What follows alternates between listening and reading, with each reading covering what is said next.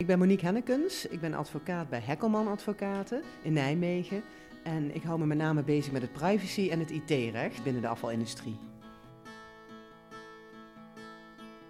Vandaag spreek ik Monique Hennekens, schrijfster van het boek Privacy in de afvalbranche. Monique heeft onder andere de gemeente Arnhem bijgestaan toen daar het gebruik van afvalpassen voor ondergrondse containers in opspraak kwam. Met recht dus een van de meest gespecialiseerde advocaten op het gebied van privacy in de afvalbranche. Daarnaast heeft de NVRD deze week in samenwerking met Hekkelman Advocaten een nieuw factsheet online gezet, waarmee gemeenten kunnen checken welk risico ze lopen als het gaat om het verzamelen van gegevens door middel van diverse inzamelmiddelen. Bijvoorbeeld het gebruik van mini-containers en of het gebruik van ondergrondse containers. En wat mag je nu wel en niet registreren op een milieustraat? In deze nog geen 15 minuten durende podcast krijgt u als luisteraar alle antwoorden die u wellicht heeft aangaande het privacy-dossier in de afvalbranche. Van de risico's die we als organisaties in de branche lopen, tot hoe we in de toekomst met privacy dienen om te gaan. Een van de eerste dingen die ik mij bijvoorbeeld afvroeg bij het maken van deze podcast was of wij als branche sinds de Arnhemzaak extra in de gaten worden gehouden door de autoriteit persoonsgegevens. Ik vraag het Monique Hennekens. In ieder geval door de burger.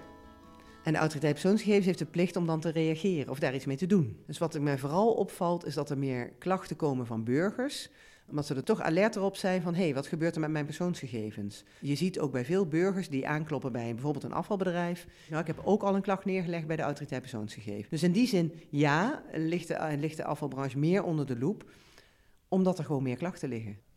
En wanneer gaat de autoriteit dan handhaven? De autoriteit heeft daar wel een systeem voor, maar dat is niet algemeen bekend. Ze hebben daar wel beleidsregels voor gemaakt. Maar wat ze zeggen is dat als zij vinden dat de impact voor de privacy groot is, dan zullen ze daar iets meer mee doen. Maar op iedere klacht zullen ze in ieder geval iets moeten doen. Om dit te voorkomen en om een goede inschatting te maken van de risico's, heeft de NVRD samen met Hekkelman Advocaten een factsheet opgesteld. Ik vraag Monique voor wie de factsheet bedoeld is en hoe je hem kan toepassen in je eigen organisatie. Nou, het is met name bedoeld voor mensen die echt bezig zijn met afvalinzameling bij huishoudens. Als je daarmee bezig bent, dan wel binnen een gemeente dan wel bij een afvalbedrijf. Maar het kan ook, ook heel interessant zijn, juist voor toeleveranciers, bijvoorbeeld IT-bedrijven die zich bezighouden met het leveren van passystemen, het leveren van ondergrond, eh, software voor de ondergrondse containers en dergelijke. Dus daar is het voor bedoeld. En uh, hoe kun je het toepassen? Het beste is om het, om het uh, te gaan, eerst zelf te gaan kijken wat je hebt. Welke gegevens heb je? Welke gegevens verzamel je? Bijvoorbeeld bij je afvalpas. Heb je een afvalpas? Zo ja, welke gegevens verzamel je dan? Welke heb je geregistreerd? Heb je een milieustraat? Welke gegevens verzamel je daar? Gebruik je mini-containers? Zitten daar chips in? Zo ja, welke gegevens worden dan verzameld? Als je dat goed op een rij hebt, dan kun je de factsheet heel makkelijk toepassen, omdat er per inzamelmiddel is aangegeven, oké, waar zitten de risico's als je bepaalde gegevens verwerkt voor bepaalde doelen? En er staat uitgelegd dat als je voor een doel bijvoorbeeld Ehm, het maken van rapportages. Als je daar bepaalde gegevens voor verwerkt, wat dan het risico is in het kader van de privacyregelgeving. Zo zou je het kunnen toepassen. En daarna moet je een beslissing gaan nemen uh, wat je gaat doen. Klopt. Het is altijd zo natuurlijk dat je op een gegeven moment als je uh, met gegevens bezig bent, dat je zou moeten beslissen of je die gegevens wel gaat verwerken of niet. En heel belangrijk ook, wat ga je vervolgens als je de gegevens hebt daarmee doen. Dus daarover zul je moeten beslissen. Je zult moeten kijken, nou, de gegevens die we hebben, willen we die nog hebben en willen we die nog gaan verder verzamelen? Of zeggen we nou eigenlijk, hebben we het niet helemaal nodig? En als dat de conclusie is, dan zul je moeten zeggen, oké, dan gaan we die gegevens verwijderen. In de factsheet privacy is per inzamelmiddel aangegeven welke risico's je loopt bij het verzamelen van persoonsgegevens. Hierbij is het met name belangrijk of het doel gerechtvaardigd is. Ik leg Monique een aantal situaties voor. Als we kijken bijvoorbeeld naar die mini-containers. Um, in de factsheet staat onder andere dat het verzamelen van basisgegevens voor het beheer van mini-containers geen probleem is. Wanneer wordt het dan wel een probleem? Op het moment dat jij mini-containers uitzet, dan heb je een gerechtvaardigd belang, want het valt onder je publieke taak, om ervoor te zorgen dat je container wordt, containerpark, zeg maar, of je mini-containers worden beheerd. En dat je ervoor zorgt dus dat iemand een mini-container heeft, stel dat hij belt naar de gemeente of naar de afvalbedrijf van we hebben een nieuwe nodig, want de mijne is kapot. Dat je dat, dat kan bijhouden. Dat je niet dus dat hij niet een mini-container bijvoorbeeld aan een bedrijf heeft gegeven. Want dat mag je. Dat is een gerechtvaardigd doel om ook daadwerkelijk gegevens te registreren. Als in ieder geval dat wel op de goede manier is opgezet. Dus het doel moet wel ergens zijn vastgelegd. En de burgers moeten weten dat het gebeurt. Dus dat zijn wel hele belangrijke eisen die, waaraan voldaan moet worden. En hoe laat je dan weten aan een burger uh, of een doel is vastgelegd? Waar het om gaat is, het is een informatieplicht vanuit degene die de gegevens verwerkt, hè, zoals de gemeente. En um, die moeten ervoor zorgen dat de burgers het weten. En die moeten ervoor zorgen op een makkelijke, toegankelijke manier. Dat zou bijvoorbeeld kunnen door een brief mee te sturen als voordat de mini-container wordt afgeleverd. Dat zou een optie kunnen zijn. Maar hebben mensen al een mini-container?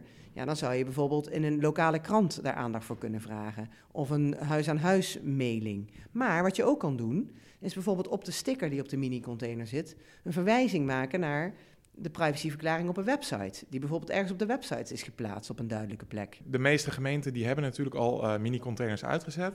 Um, heb je het idee dat gemeenten nu uh, massaal uh, de, aan deze informatieplicht gaan voldoen? Het valt me op dat dat nog een beetje een ondergeschoven kindje is. En zou dat wel moeten? Of? Ja, het is een hele belangrijke. Transparantie is een van de uitgangspunten van de AVG, hè, de Algemene Verordening Gegevensbescherming. En transparantie wordt ook heel veel op gecontroleerd. Dus het is wel belangrijk. En bovendien ja, is ook een verplichting vanuit iedere uh, gegevensverwerker, in ieder geval als je verwerkingsverantwoordelijk bent, zoals dat heet, dus als je er verantwoordelijk voor bent, om dat te laten weten. In de factsheet staat beschreven dat het verzamelen van bepaalde gegevens in het geval van Diftar toegestaan is. Hoe zit het als je ooit van plan bent om Diftar in te voeren? Is dat voldoende doel? Nee, het ooit iets doen is nooit een voldoende doel. Want dan is het eigenlijk wat je ook wat je heel vaak zag in IT-systemen, is dat het zo gebouwd is dat je zoveel mogelijk gegevens kon registreren, want je wist nooit waarom het handig zou kunnen zijn. Nou, en handig zijn is nou juist iets wat niet mag op grond van de privacyregelgeving. Handig is geen gerechtvaardigd doel. En bijvoorbeeld milieustraten, die komt ook voor in de. Um, moet ik dan denken aan kentekenregistratie in uh, combinatie met gegevens van een afvalpas? Gebeurt dat? Ja, dat is heel verschillend. Dus per milieustraat wijkt dat af, wat ik in ieder geval in de praktijk merk. Maar er wordt zeker bij veel milieustraten wordt een kenteken dan wel gecontroleerd, dan wel geregistreerd. Nou, en daar zit wel een verschil. Als je alleen controleert en je registreert niet, dan is het geen verwerking van persoonsgegevens waarschijnlijk die onder de AVG valt, omdat je het nergens laat, zeg maar, die gegevens. Registreer je wel, dan moet je zeker ook voldoen aan het feit dat je dus een grondslag moet hebben en een doel. Dus je moet daar een doel voor hebben waar, en waarvoor het nodig is, echt noodzakelijk is om dat kenteken te gebruiken. En zijn er nou ook bedrijven die uh, zelfs niet weten dat ze uh, zaken registreren of daar onvoldoende van bewust zijn? Zeker. En ik denk dat, dat, ik denk dat de afvalbranche daar een goed voorbeeld van is, omdat in heel veel instanties werd nog gedacht, en dat is eigenlijk wel veranderd door de afvalpaskwestie, maar er werd nog gedacht dat adressen geen persoonsgegevens zijn. Dus dan heb je ook niet door dat je met persoonsgegevens werkt of dat kentekens geen persoonsgegevens zijn. Maar ik heb het gevoel dat daar wel echt een verandering in is gekomen, ook binnen de branche, dat het wel duidelijker is dat behoorlijk veel gegevens echt persoonsgegevens zijn. Denk ook aan camerabeelden. Eigenlijk heeft iedere milieustraat wel camera's. Nou, die beelden die worden ergens geregistreerd. Dus ook daarvan eh, nou ja, moet je dus beseffen dat je moet voldoen aan de AVG en dat je dus een doel moet hebben dat je de mensen moet informeren. En als het doel algemene veiligheid is van de Milieustraat? Dat kan, dat is een, dat is een mogelijkheid. En dan moet je zorgen, oké, is dan de, je moet eigenlijk altijd een belangenafweging maken tussen de inbreuk op de uh, privacy en aan de andere kant het belang bij veiligheid, die er uiteraard natuurlijk is voor een, bijvoorbeeld een afvalinzamelbedrijf of van wie de Milieustraat ook is. De AVG kwam natuurlijk niet uit de lucht vallen. Wat zijn de grootste wijzigingen ten opzichte van de wet bescherming persoonsgegevens? Nou, wat heel belangrijk verschil is tussen de, de vorige privacyregelgeving, de wet bescherming persoonsgegevens, en nu, is dat je moet kunnen aantonen dat je voldoet. Dus je moet zelf aan de autoriteit persoonsgegevens kunnen laten zien, aan de hand van documenten, zoals bijvoorbeeld je register waar je je doelen in hebt opgenomen, maar ook je informatiedocumenten richting de burgers, moet je kunnen laten zien dat je zelf voldoet. Dus het is niet zo dat, dat je kunt afwachten, zeg maar, wat de autoriteit ervan vindt. Je moet echt zelf zorgen dat je de documenten in orde hebt. Heel veel eh, bedrijven en gemeenten zijn daarin heel erg zoekende. Hè? Hoe uh, volledig moet je dan met zo'n register zijn? Uh, kunnen we nog achterover hangen en denken van ik doe het minimaal en het zal mijn tijd wel, wel, wel duren? Ligt eraan welk risico je wil lopen natuurlijk en wat je ervan vindt. Kijk, privacy is een grondrecht. En je zou dus van, zeker van overheidsinstanties mogen verwachten, en ik neem aan dat overheidsinstanties dat ook zelf zo zien, dat je grondrechten goed moet respecteren. En dan zul je toch uh, daar bewust mee bezig moeten zijn. En wat bij een groot verschil is tussen privacy en sommige andere verplichtingen waar je aan moet voldoen, is dat je er eigenlijk continu mee bezig moet zijn. Het moet zeg maar in, helemaal in je organisatie verweven zijn. Dat als je gegevens verwerkt, dat je ook denkt aan of dat wel mag en of dat in overeenstemming is met de AVG en of de mensen weten dat je het doet. Dus het is niet iets waar je bij kan achteroverleunen. Het is iets wat je eigenlijk zou moeten proberen om binnen je organisatie in de werkwijzes te verwerken. Dat zou het beste zijn. Het moet verweven zijn in de bedrijfsvoering. Juist, exact. De privacy-wetgeving in de breedste zin, uh, die gaat best wel ver. Heb jij een idee wat er nog aan zit te komen? Nou, qua wetgeving zal er op dit moment even uh, pas op de plaats zijn, maar wel inderdaad qua handhaving. Wat gaat er nou precies gebeuren? Nou, er zullen in ieder geval boetes aankomen. Waar die gaan vallen, dat is nog, een, um, nou, dat is nog niet duidelijk, maar waarschijnlijk wel bij um, dan wel bedrijven die bijvoorbeeld heel gevoelige gegevens gebruiken of heel veel gegevens verzamelen. Ik denk zelf dat over een jaar of vijf, nou, misschien tien, dat we het allemaal heel normaal vinden dat, dat er veel zorgvuldiger omgegaan wordt met je persoonsgegevens. En dat, dat het meer in de DNA komt van de bedrijven en van de organisaties en van de overheden om op een zorgvuldige manier om te gaan met persoonsgegevens. En dat de privacyregelgeving is verweven in de organisatie. Dat is wat ik vermoed. Wat zou je NVRD-leden willen meegeven op het gebied van privacy? Uh, we hebben net al gezegd van wat moeten ze echt kunnen, um, maar wat zou je ze op het hart willen drukken?